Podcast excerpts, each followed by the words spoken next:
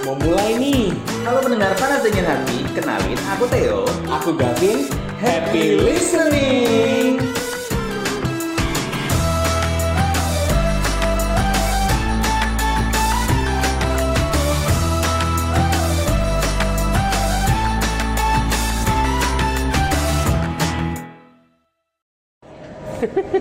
Seru ya, Apanya? film Miracle yang kemarin kita bahas. Aduh lama banget itu Udah lama banget ya.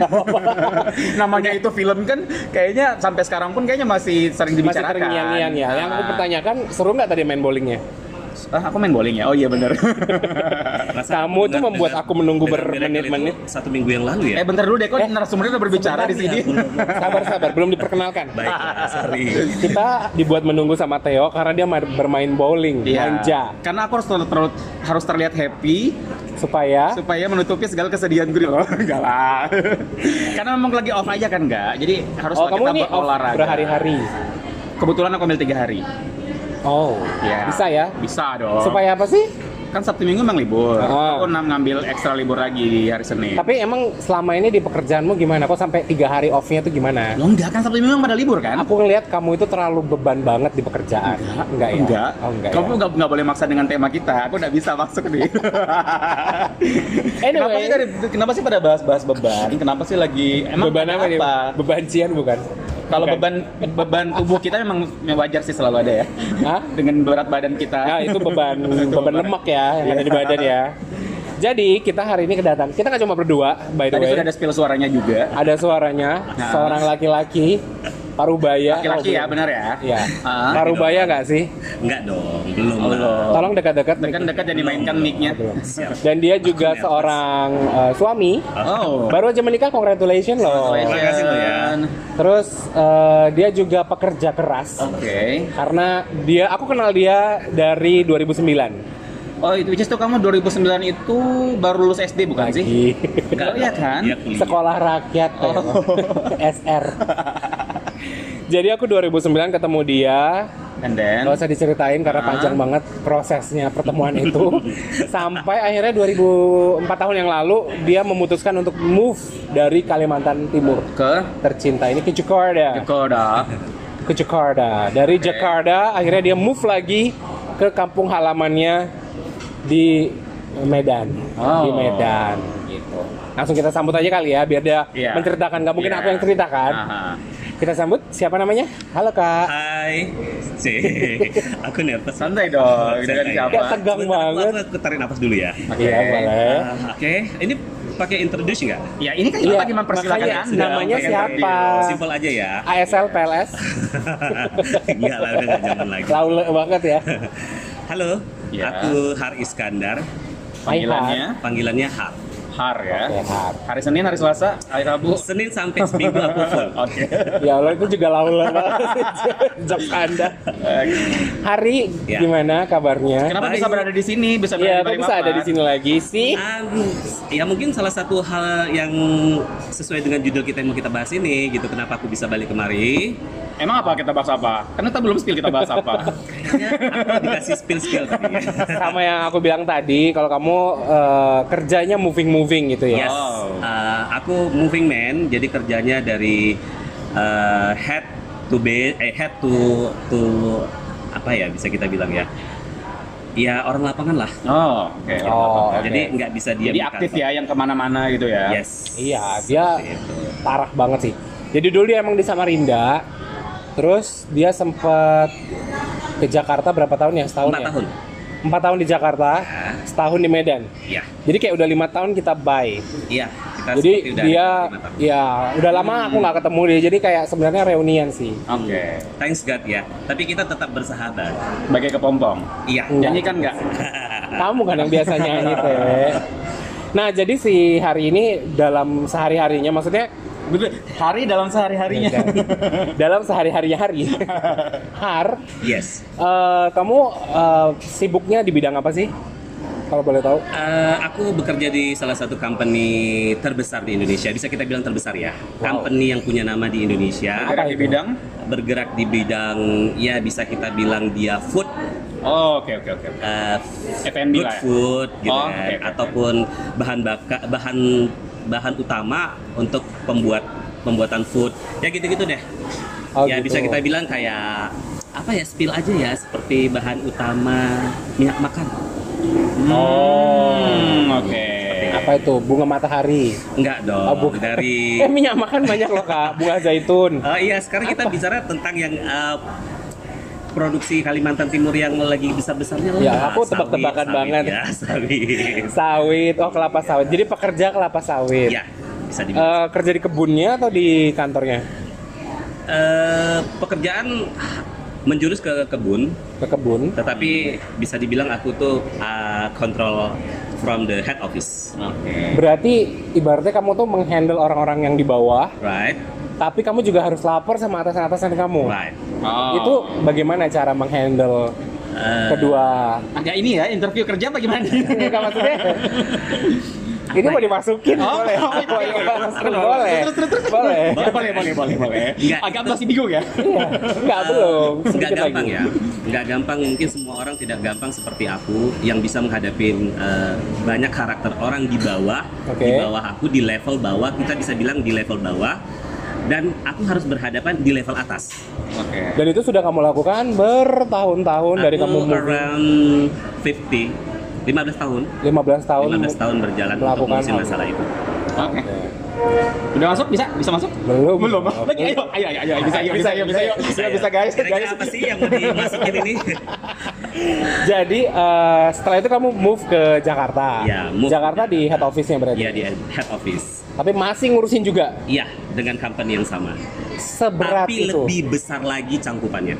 Seberat itu permasalahan. Maksudnya menurut kamu eh, ada nggak perbedaan pekerjaan di Kalimantan, Jakarta, atau mungkin di Medan? Kamu kan terlalu cep- cepet banget nih movingnya nih.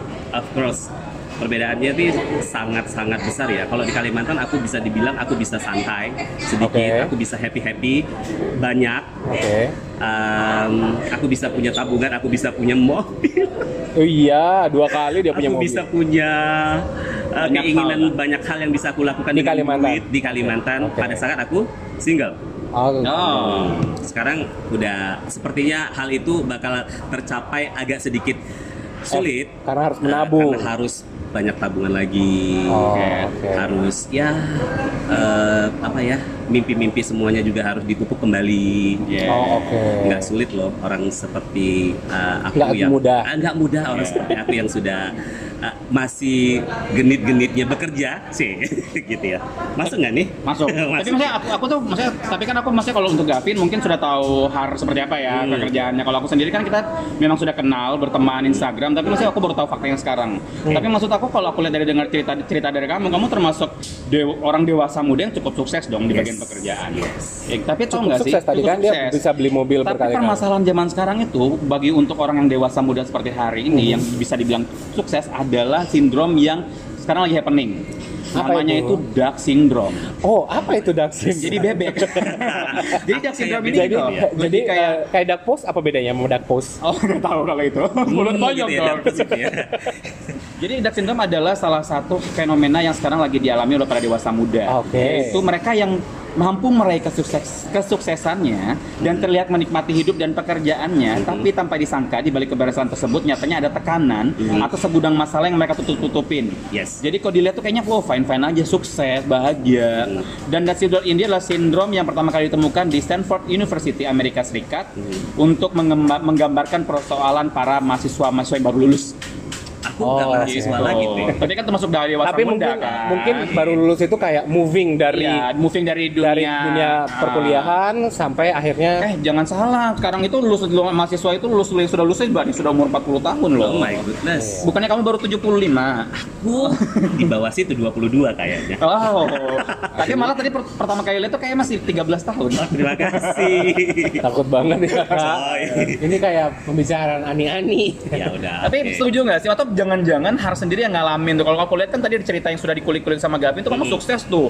Bisa keliling-keliling, sudah bisa beli ini beli itu walaupun sempat struggle, ada struggle namanya hidup ya, namanya Iya. pekerjaan. Tapi maksudnya kalau aku lihat, kalau aku nggak yang yang belum terlalu kenal kamu pasti aku lihatnya wow, berarti dia kayak sukses gitu, bagus pekerjaannya, sudah beristri juga. Kita aja sekarang belum. Belum. Nah, itu ah. suatu pencapaian nggak sih? Pencapaian dong. Oh, iya. Pencapaian dong. Kita aja masih dikejar-kejar ya. Kejar-kejar apa nih? kejar kejar kejar ibu keluarga. Jadi apa nih pertanyaannya? Pertanyaannya, kamu ada pernah merasakan hal itu nggak? Maksudnya Pernah masuk di fase itu enggak? fase dark syndrome tuh pernah ada. Karena tadi kamu bilang Sampai- di Kalimantan happy happy. Oh, nah, apa yang terjadi di Jakarta? Sampai sekarang eh, itu ku alami sampai detik ini itu ku alami. Buktinya aku hadir di podcast kalian ini dengan wajah riang gembira kan. Iya. Wow. Tapi aku bisa lihat dalam isi hatimu kok Oh ya? hancur. Uh. Serius? ya, Enggak, enggak canda. Kenapa kak? Cerita aja, ya. spill aja. Spill aja ya. Ini permasalahan rumah tangga ya? Eh, jangan. Kalau buat tangga jangan dong. Kak. Gimana ya? Kalau ada video mungkin aku bisa di kamera nggak? Boleh Bisa. nanti Ini ada, ini habis ini ada. banget Itu ada di atasnya. CCTV. Kan kita lagi di food court nih. Aku nggak tahu apakah ini duck syndrome, ah duck syndrome. Duck, bebek ya, bukan dog ya. Ah, duck syndrome ataupun apalah yang yang penting aku rasakan mungkin kelihatannya sama. Eh, bisa dikatakan bahwa pencapaian-pencapaian dalam karir itu aku itu eh, mulus cepat Oke. Oke.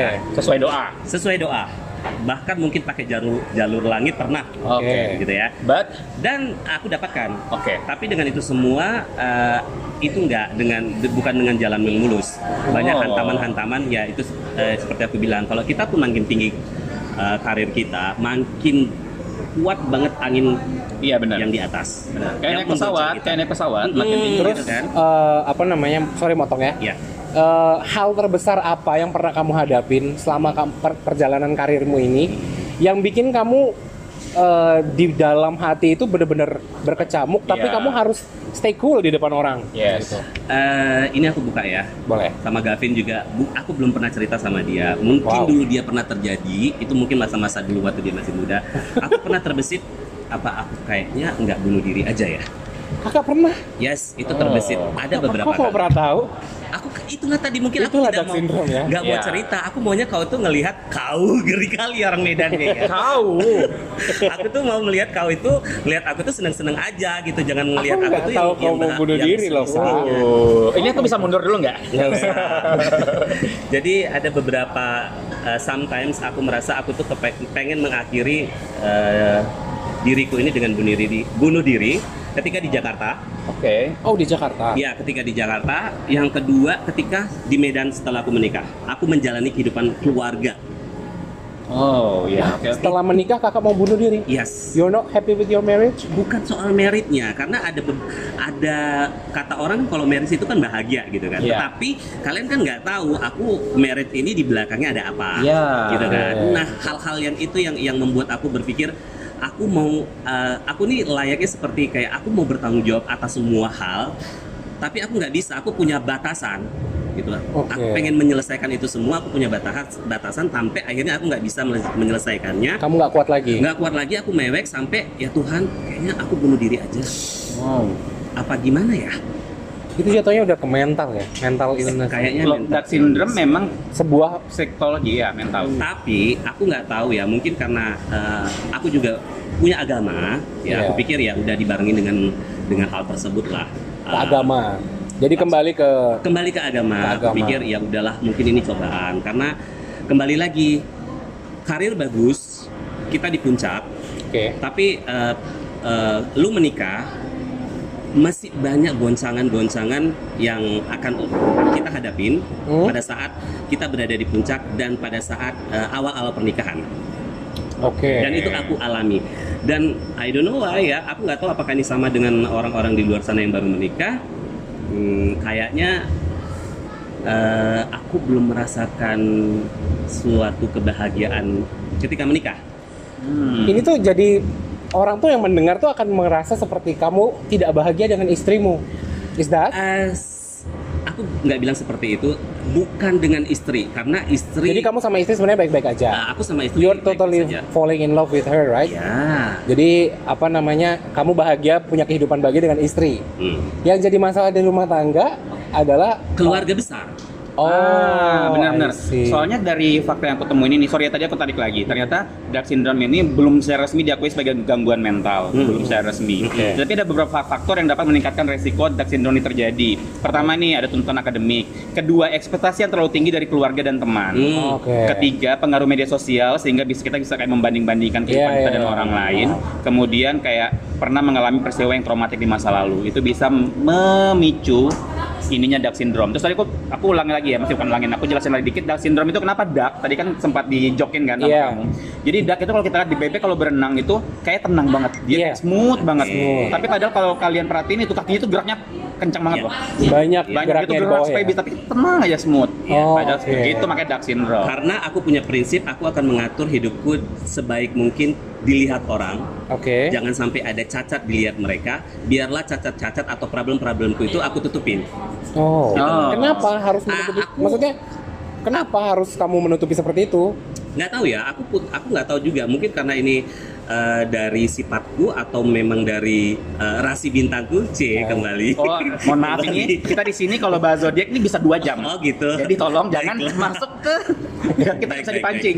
Scorpio, mohon kita nggak bisa maaf, dipancing. Scorpio, Kalau gimana? aku tuh punya punya blokir pemblokiran dalam diriku. Gitu. Oke. Aku bisa ngeblok-ngeblok. cepet. Apa Gitu. itu contohnya? Kayaknya seperti ini. Ah, aku mau menghadapi sesuatu yang kayaknya harus aku.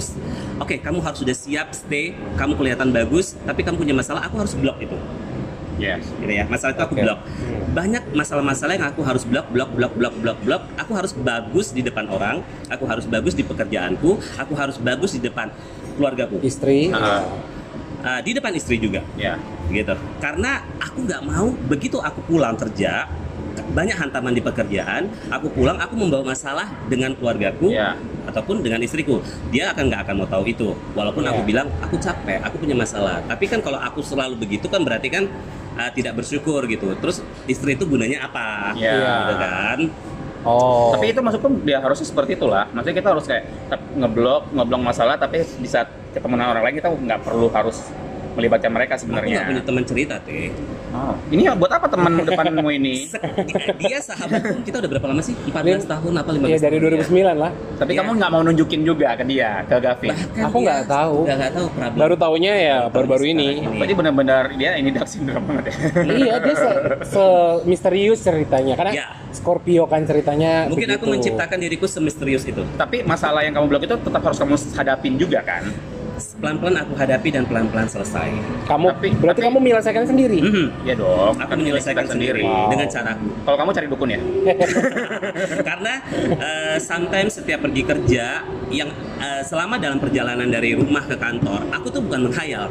Yang dilakukan banyak orang senang gitu mendengar musik atau Iya enggak. Di otakku, di hatiku tuh berkecambuk gimana cara menyelesaikan masalah ini? Gimana cara menyelesaikan masalah ma- yang tadi malam terjadi? Gimana cara menyelesaikan masalahku dengan aku salah ngomong sama mamaku? Overthinking ya. jadi. Yes, gitu. Oh, Aku oke. gimana cara menyelesaikan masalah dengan adik-adikku, Hmm. gitu kan? Itu sampai pekerjaan, begitu sampai kantor, aku letakkan itu dulu di di, di pintu masuk kantor. Nggak boleh aku bawa. Oke. Masuk Karena kantor. Kalau aku bawa, aku akan gila. Iya. benar-benar. Bener kan? Begitu masuk kantor, aku menjadi orang baru. Jadi kamu menghadapi masalah yang ada di kantor aja. Yes, dan orang kantor melihat aku, hai, gitu kan. Hai, say, hai, beb. Itu mereka tidak akan pernah tahu aku punya masalah. Jadi kamu kayak ceria aja udah di kantor. Istilahnya bisa kita bilang aku fake. Kamu pernah Fake coba? Iya nggak, ya bisa sih dibilang fake. Cuma pernah nggak kamu mer- eh, mencoba untuk ngobrol sama psikolog gitu misalnya? belum pernah sih karena aku nggak punya teman yang menjuruskan aku ke sana coba kamu ke psikolog ah, even kayak gitu aja aku juga nggak punya teman untuk ngobrol Tahu nggak? Karena kamu nggak pernah cerita sama teman-temanmu Iya, kan? why aku nggak mau membagi sharingku karena aku pikir aku sama dia ini sudah klik dan kita Oh, kan dari oke. dulu kan nggak pernah eh, aku nampung sedihnya kakak aja kan ya kan bener gak sih Aduh. semua sedihmu aku tampung semua sedih orang aku tampung gitu kan Kamu tapi gak, harusnya kamu kamu ya Allah parah gak. Kamu berarti salah satu penyebab loh. tapi dia nggak pernah bertanya gitu Ah, kalau ya seandainya Allah, mungkin jahat banget aku ya, Tuhan. gitu lah aku mungkin bakal akan mewek aku perlu hak Ya. Karena kamu nggak pernah menunjukkan itu kan? yes Kamu harus itu kayak aku, aku tuh kadang kalau kalau lagi ada gitu, aku datangin, gak aku mau nangis. Iya. Aku bisa Tiba-tiba langsung. Nggak nangis. bisa gitu teh Karena aku kalau aku ya, kalau ada masalah, salah satu healing paling cepat tuh nangis. benar aku justru Dan aku butuh cari orang ya. tapi aku justru didatangin orang Aku cari, kalau Iya, datangin. Karena kamu berusaha Karena aku butuh, karena aku Ya, butuh. itulah Iya. aku berusaha ngeblok ngeblok orang lain silakan Jadi orang nggak tahu permasalahanmu apa. right Oleh karena itu aku mungkin nggak terlalu terjebak di dark syndrome karena aku tipikal kayak aku nggak bisa nih aku harus nyari orang nyari Kamu Gavin keluarkan aku, aku gitu ya. keluarkan at least walaupun cuma di dalam di air mata keluarnya tapi hasilnya tuh bisa. Nggak tahu aku eh, malu mungkin kok orang setegar ini bisa selemah ini sih gitu sih Iya, sebenarnya betul, betul. yang kedua ih lucu banget sih kakak nggak pernah ketahuan nangis nggak pernah ketahuan sedih eh, harus eh, mewek-mewek sama aku aku lu nggak seperti itu orangnya Tapi ya kalau dari tadi aku baca-baca sumbernya juga dari, dari beberapa fakta yang aku sebutkan kenapa bisa terjadi Down syndrome. Salah satu poin penting juga adalah karena eh Down syndrome itu ser- lebih sering em, kena buat orang yang ambisius dalam hidupnya. right aku ambisius dulu Nah itu dia pasti karena itu. aku ambisius Karena kalau dari ceritamu kamu termasuk sukses di pekerjaan, di perjodohan dan di asrama asmara lah pokoknya. Iya. Karena dia ambisius. Aku ambisius. Untuk eh, kita bicara ke belakang eh, dalam karir, aku juga ambisius sekali karena sampai sekarang memang belum aku dapatkan, tapi mungkin dalam sampai tahap itu bisa boleh cerita kali ya. Boleh, cita-cita boleh, aku boleh. pengen menjadi seorang manajer. Oh. Oke, itu cita-citamu dari Itu dulu. cita-cita Oke. aku dari dulu dan aku Sampai ambisius. sekarang. Ke Kalimantan itu aku kejar sebenarnya sampai sekarang bahkan ke Jakarta itu adalah tangga-tangga yang step untuk mencapai itu. Gitu. Saking ambisiusnya gitu kan. Dan eh, kalau dengan pacar ya gimana ya? Kalau yang dulu-dulu ya kalau kita suka seseorang kita kejar kan? Iya. Iya dong. gitu kan mati-mati Iya. yang walaupun menurut dia menurut teman kita dia nggak bagus dia nggak ini nggak apa segala macam tapi kalau kita suka dan dia punya punya sesuatu yang dalam diri kita suka ya aku harus kejar gitu aku harus dapatin gitu Tapi tapi aku nanya lagi banyak nanya banget aku. tapi Down syndrome ini masih kamu alami sampai sekarang atau sekarang kamu sudah bis, lebih baik atau sudah benar-benar Atau sudah masih kayak dalam proses? Iya, masih, masih masih dalam. sudah kayak udah sih aku sudah sudah gini s- datang ke Kalimantan saat dinas ini aku meninggalkan problem besar di rumah Oh. Oke. It- yang eh, boleh cerita sedikit nggak lucu Boleh. agak lucu agak jorok nih It's okay. bentar tolong bapak editor kalau ini tidak cocok untuk dimasukkan tolong dikat ya. Sandi di Jadi uh, aku harus terbang dari Kuala Namu jam 3 pagi. Oke. Sebelum itu aku menghadapi problem keluarga di rumah yang sangat menurut aku tuh nggak bisa masuk akal, nggak bisa aku selesaikan. Aku diam karena aku orangnya begitu. Iya. Aku nggak mau. Aku dulu orangnya uh, uh, temperamen, Oke. Oh. ya. Aku orang yang temperamen. Aku memecahkan segala macam barang yang aku dekati. Tapi itu sekarang udah mulai berubah gitu. Sejak aku di Jakarta, aku Sorry, harus kontrol. temperamennya itu kekerasan fisik enggak? Nah itu yang nggak pernah aku lakukan. Oh, alhamdulillah. Aku- Saking tidak Oh. melakukan itu, aku harus memecahkan barangku It's okay, sendiri. it's okay. Oh, emosional dari diri sendiri aja Iya, ya. supaya aku bisa keluar. An, Aku temperamen, aku ketus, judes. Nah, seperti itulah. Iya. Ya, sampai di Jakarta aku berubah. Aku harus Oke. berubah itu. Kalau enggak bakal gini terus karena orang-orang di Jakarta yang aku hadapin bukan orang-orang yang seperti di Kalimantan ini. Yes. Gitu ya. Oke, kita kembali ke cerita yang agak lucu. Problem yang besar yang udah aku bawa-bawa dan aku udah sebenarnya nggak tahan. Puncaknya pada saat aku mau ke Kalimantan kemarin, Hmm? jam Yes. 2 aku harus berangkat dari rumah untuk mengejar penerbangan di Kuala Namu. Itu udah numpuk di kepala. Oke. Oke. Oke. Sampai akhirnya aku mungkin nggak tahan. Tubuhku ini memberontak dong. Aku diare. Oke. Oh, ya. Setengah mati aku diare sampai udah mau panggilan terakhir aku harus mengeluarkan dulu kotoran. Hmm. Ya, pada saat itu Kuala Namu air nggak jalan, aku heran. Oke. Jadi Oke. Dan aku nggak tahu detik itu last time itu air bisa jalan. Jadi aku harus keluarkan karena aku takut pup di pesawat. Iya, kecil banget. walaupun udah panggilan terakhir keluar mungkin ini adalah eh, gejolak atau fase yang tubuhku tidak bisa menerima, menerima lagi masalahku Hmm, hmm. sampai Jakarta aku kan transit nih aku nggak tahu secara itu aku nggak bis aku nggak kontraksi di perutku atau apa segala macam aku nggak merasakan mules itu keluar Oh. kotoran Spirit. iya kecipirit ya oke Ah. Di pesawat nih atau lagi pas Oh, transit? aku sudah transit. Sudah transit. Alhamdulillah. Oke. Dan lucunya, aku tuh nggak bawa apa-apa, Teh. Bagku itu udah sampai Kalimantan karena kan aku transit. Jadi aku kirim itu semuanya udah sampai ke sana. Jadi aku tuh nggak ada bawa apa-apa celana pun hanya nempel aja di, ba- di badan. Jadi Kecipirit kamu keras. Cobalah kamu bayangkan aku kecipirit jalan terempit-empit menuju mana tahu bandara itu toiletnya jauh terus banget. celana dalam Ya. Celana dalam Ya menurutmu aja, masa iya lolos sama dalam? aku buang di bandara. jadi Aku cuci celana panjangku, aku cium. au. Masih bau. Masih bau. Jadi basah-basah kamu pakai. Yang aku basah-basah, gimana caranya aku keringkan pakai tisu, aku semprot parfum banyak-banyak. Jadi wanginya aneh. Ya terus pagi. Tapi Iya. aneh. ya aneh Dan aku kayak jadi nggak merasa nyaman.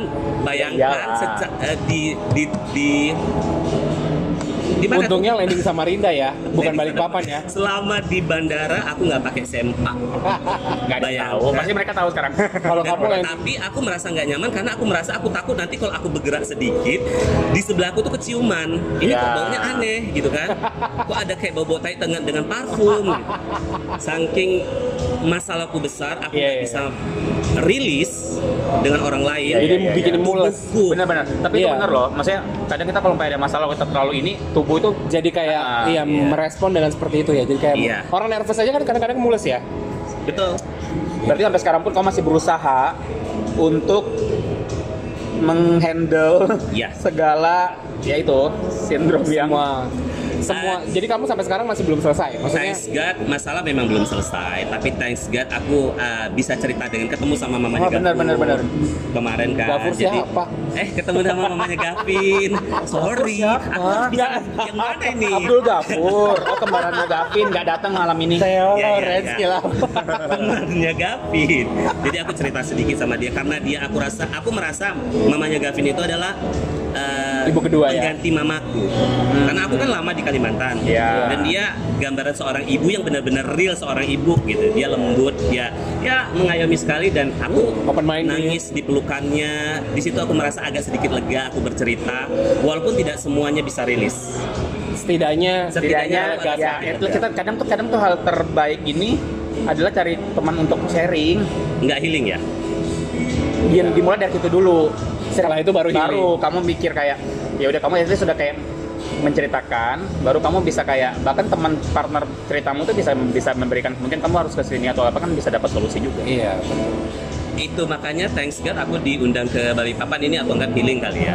Iya, Iya, kalau saya kayak bakalan mati di mungkin ini ini- mungkin ini salah satu cara Tuhan untuk coba kamu lepas dulu dari semuanya dan berusaha berpikir lagi secara mendalam tentang permasalahan itu hingga nanti bisa pulang ke Medan dan menyelesaikan pelan-pelan.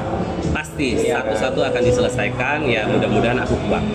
amin Maksudnya ini adalah recharge dari Tuhan gitu kan. ya Ya. Supaya kamu bisa nggak gila gitu kalau kelamaan di Iya, sana. aku pikir kemarin kalau seandainya aku tetap di Medan, aku bisa mati. iya benar Iya, benar. makanya. Ya makanya lu harus tugas ke Kalimantan dan lu Yes. ambil tugas ini Dan dikasih lama lagi. dan dikasih lama. Sebulanan loh. Hampir sebulan. sebulan. Hampir sebulan ya. jadi buat para listener yang mungkin kayak Har ya kalau aku sendiri kayak aku cerita aku nggak terlalu di Aku- sindrom eh, karena sebentar. aku suka cerita No, kamu kemarin waktu uh, kakak kamu meninggal, yes itu kamu hari pertama kerja. iya Really? really Itu Di- kamu melakukan hal yang sama. Maksudnya kamu berkecamuk di dalam tapi begitu bekerja apa yang kamu lakukan?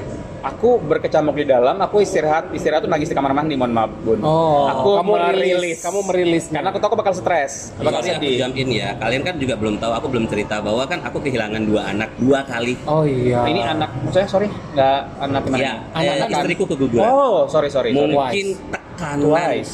Tekanan wise tekanan yang yang diterima dari keluarga aku aku bilang problemnya sebesar sebenarnya ini kayak yang kau tadi bilang Iya. Hmm. Mungkin dia nggak kuat sehingga twice anakku dua kali keguguran. oh Dan, dan itu berat buat. Iyalah. Iyalah, Itu aku kakak aja aku berat loh, apalagi ini anak. Kalian bayangkan bagaimana aku harus mengutipin eh, gumpalan-gumpalan darah tersebut dengan menahan air mata karena aku mau sama istriku, aku mau anak ini. Dan aku nggak mau kehilangan sampai kedua kali. Akhirnya kedua kali. Ak- sampai sampai sampai eh, begini. Aku harus cerita sama kalian bahwa aku eh, membuat diriku ini eh, kayak mana ya? Pada saat kejadian itu tengah malam, aku mengumpulin gumpalan-gumpalan tersebut, aku kuburkan dengan doa-doa. Setelah itu aku urus istriku ke rumah sakit. Selama di rumah sakit, aku tidak mau bicara sama istriku. Why? Aku merasa aku gagal. Aku merasa aku pengen anak itu kenapa tidak tidak bisa dijaga atau kenapa Kamu marah. aku marah. Kamu marah dengan dirimu Aku sendiri. marah entah dengan siapa. Sehingga aku sama istriku yang harus aku rawat, aku hanya bisa bilang iya, enggak, jangan. Begitu aku pulang ke rumah, aku berubah. Berubah aja. Maksudnya, Berubah Kembali. tidak ada masalah apa-apa Oh, gitu. oh. Tapi tapi ini jujur dalam hatiku, kehilangan ini berat sehingga aku eh, membuat suatu hukuman ya ini bisa dikatakan ah, ini nggak adil atau enggak ya bahwa kesalahan karena anakku hi- gugur dua kali itu adalah kesalahan dari orang-orang yang ada sekitar Oh, iya. tekanan yang mereka berikan kepadaku padahal aku tidak melakukan penekanan ataupun apa pun kepada istriku apa pun Iya. itulah yang membuat kayaknya problem ini makin besar ketika uh, anakku yang kedua gugur mendekati aku mau pergi ke Kalimantan ini Baru-baru aja dong. iya baru-baru aja Wow. Jadi pasti berat. Nggak cuma kamu, istri kamu juga pasti sekarang lagi ya karena habis keguguran kan jadi masih perlu proses recovery segala macam. dan kebetulan suaminya nggak ada di rumah mungkin Iya. ya dia juga menganggap bahwa keluargaku juga nggak ada yang sayang sama dia barangkali Oh. ya hanya suaminya lah yang dia tunggu Iya, iya, gitu iya. lah. Itu gitulah cerita problemnya berat kan tapi Berat. Ya. harus Tapi aku kamu sampai speechless kita sampai kayak ehm, ini nggak ada apa-apa nih. Percaya jadi kalau kamu nggak silakan. Aku kayaknya aku orangnya all out ya. Aku orangnya bahkan Gavin orang terdekat aku bisa dikatakan dia orang terdekat aku tidak tahu masalah ini aku nggak tahu. Ternyata setelah dia cerita baru aku Iya. tahu gitu kan. Cuma ya aku kan orangnya selama ini all out. Jadi kalau aku ada masalah aku paling jerit, menangis. bisa sembuh nggak nih si Dark syndrome ini aku takut loh Bisa bisa. Jadi kalau dari yang baca sumber-sumber terus aku sumber terus Theo si. Google. Theo si sumber. si paling Google. Em, rata-rata itu harus ke psikolog sih kalau yang gue baca. Harus ada te- terapi terapi semacam terapi terapi seperti ya itu. betul karena Jadi gimana cara kamu bisa menghandle masalahmu dengan yang dengan masalah yang kamu di, dari di sini dulu soalnya. Hmm. Dari sini baru kamu kan harus tetap doing kan. Maksudnya kayak tetap Iya. Nggak selama ini mungkin kamu kan menutupi, berusaha menutupi itu dari orang-orang yang kamu kenal. yes Mungkin ke psikolog, orang yang nggak kamu Iya, kenal, iya. kamu bisa lebih bisa Iya, cerita. bisa lebih gitu. rilis ya Bisa lebih rilis. Nanti mungkin dari psikolog itu mereka akan memberikan solusi apa yang harus kamu lakukan. Kalau saran dari kita sih gitu, tapi buat Iya. para listener mungkin eh tunggu tunggu bisa BPJS kasih saran nggak sih? juga. eh, BPJS, BPJS ya, BPJS. Kamu bisa pakai jasa psikolog. masih mikir ya ya maklum lah kalau Tapi ke dokter umum, mikirin biaya-biaya dokter umum begitu. dulu ya, minta rujukan ya, baru Oke. bisa ke psikolog. siap Jadi buat siap. Listener mungkin yang mungkin ada masukan, mungkin yang pernah misalnya sedang mengalami atau pernah mengalami dark syndrome bisa langsung DM kali ya. DM ke Iya. Instagram kita. Bisa curhat juga. Iya, ya. jadi kayak mungkin ada listener yang caranya gini, caranya gini, caranya Ah. gini. Kita tunggu nanti kita bakal share ke Har juga ya. Iya, atau mungkin yang mengalami dark syndrome dan masih belum sembuh dan mau Bisa curhat, curhat ke kita. Curhat nanti kita akan bahas kalau mau dibahas ya dan kita pasti samarkan Yes. identitasnya. Dan buat Har, aku tahu ini berat banget dan dia masih Iya, struggle juga. betul. Semoga bisa menemukan cara Iya. thank you bagaimana Teh. untuk bisa, mm, Bisa mengha- handle. terus sebenarnya menghandle dari pikiran dulu sih sebenarnya Iya. kan. Baru yang lain-lain. Ya, aku nggak juga berdoa semoga kamu dan istri bisa tetap langgeng. Mhm. Terus jangan gara-gara masalah ini terus jadi Nah, renggang gitu ya. yes. Semoga bisa tetap erat, langgeng Amin. hingga nanti hari tua nanti gitu kan. Kerjaan gimana kerjaan jangan juga gua Oh, ya, kerjaan juga. kerjaan juga dong untuk menopang kehidupan gua eh sebulan sebulan di Kalimantan lumayan kan uang dinasnya. Lumayan sih. bisa beli mobil kali ya. Eh, jangan Dan satu lagi sih, ini yang nggak kalah penting. Semoga kamu menemukan sahabat yang yang care untuk nanya. ada dia sebenarnya sih udah Percuma, care. tahun dia nggak pernah nanya. Tapi- ada masalah apa? Ya, Percuma. aku yang tadi Ya. memang ngeblok gitu loh supaya dianya juga nggak tershare karena aku takut karena aku tahu dia kalau Iya, aku iya, iya, share iya. yang bad ke dia dia akan bad Iya. gitu seharian gitu loh jadi aku nggak mau itu terjadi Enggak, Gitu. kalau aku sih karena memang kenal Gavin ya, jadi kayak walaupun nggak sekenal kamu ya, tapi aku memang ngerasa aku percaya sama dia. Jadi aku kalau ada masalah, ada beberapa masalah yang orang lain nggak tahu, bahkan pacar aku juga nggak tahu, dia tahu. Sampai aku nangis lagi sama dia kayak, kita ada nggak tuh ya Hah? Oh, ada masalah orang-orang yang kakak ceritakan sama aku gitu Ada. loh oke itu itu gibah, Itu- itu, itu- itu gibah. itu Tapi percayalah kalau ke kakak kayaknya. buat kalian yang mungkin lagi stres, gibah tuh bisa jadi salah satu. Iya, Iya, salah satu iya, kami menggibah ini nanti habis ini Gila ya terasa 30 menit loh. 30 menit lagi loh. Ya ampun. Tapi pokoknya keren sih, maksudnya walaupun buat orang-orang juga di luar sana, buat listener yang sekarang ngalamin ini, in- pasti bakal ada momen yang pas, bakal indah pada waktunya, Betul. dan bakal Mudah-mudahan. menemukan jalan yang baik untuk ke depannya. Yes. Amin. Ya, mungkin orang-orang yang sama seperti aku, Iya, pesan-pesan dulu. Ya, mungkin uh, kita sama-sama berjuang. Yes.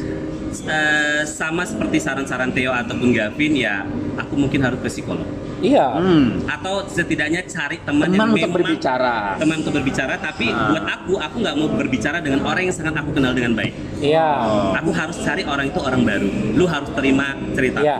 Iya. Jadi kayak untuk ngelepasin aja. Iya, At untuk least kayak denger aja dulu. Ah. Karena menurut aku, aku punya punya kekuatan, aku diberi kekuatan untuk bisa menyelesaikan problem itu dengan baik walaupun ya step by step Iya. gitu. Nah, you believe in that. Iya, kan? yang aku nggak kuatnya adalah hantaman-hantaman yang aku diemin, Iya. numpuk, numpuk, numpuk, sampai akhirnya tubuhku sendiri nggak bisa nerima. Gitu. Oke. Ayo kita berjuang deh. Ayo berjuang. Mari kita Cerita Dark Syndrome. Oke, thank you banget buat Har yang Thank udah you, sharing. Har. Dan buat para listener yang mungkin terasa ganggu tiba-tiba ada suara musik, tiba-tiba ada suara mesin kopi karena kita seperti biasa di outdoor, outdoor dan di di cafe. cafe, jadi ya biasa lah. Biasa. Dan jangan lupa follow terus Instagram kita ya di @panasdinginhati. Eh, dengerin kita terus di Di- Spotify dan juga Apple Podcast. Dan jangan lupa kita masih ada program Movie Date with CGV Balikpapan. Kita bagi-bagi tiket juga, free 6 tiket nonton CGV untuk tiga orang pemenang diundi setiap dua minggu sekali ya. Jangan lupa follow IG-nya juga CGV Balikpapan. Cinema.balikpapan. Lupakan Anda. Lupakan. Ya udah kalau gitu. Loh. Nanti kita hari kalau balik-balik ke Balikpapan lagi kita record lagi ya. Ya, jangan lupa bawa meranti ya. Lagi. Thank you. Bye.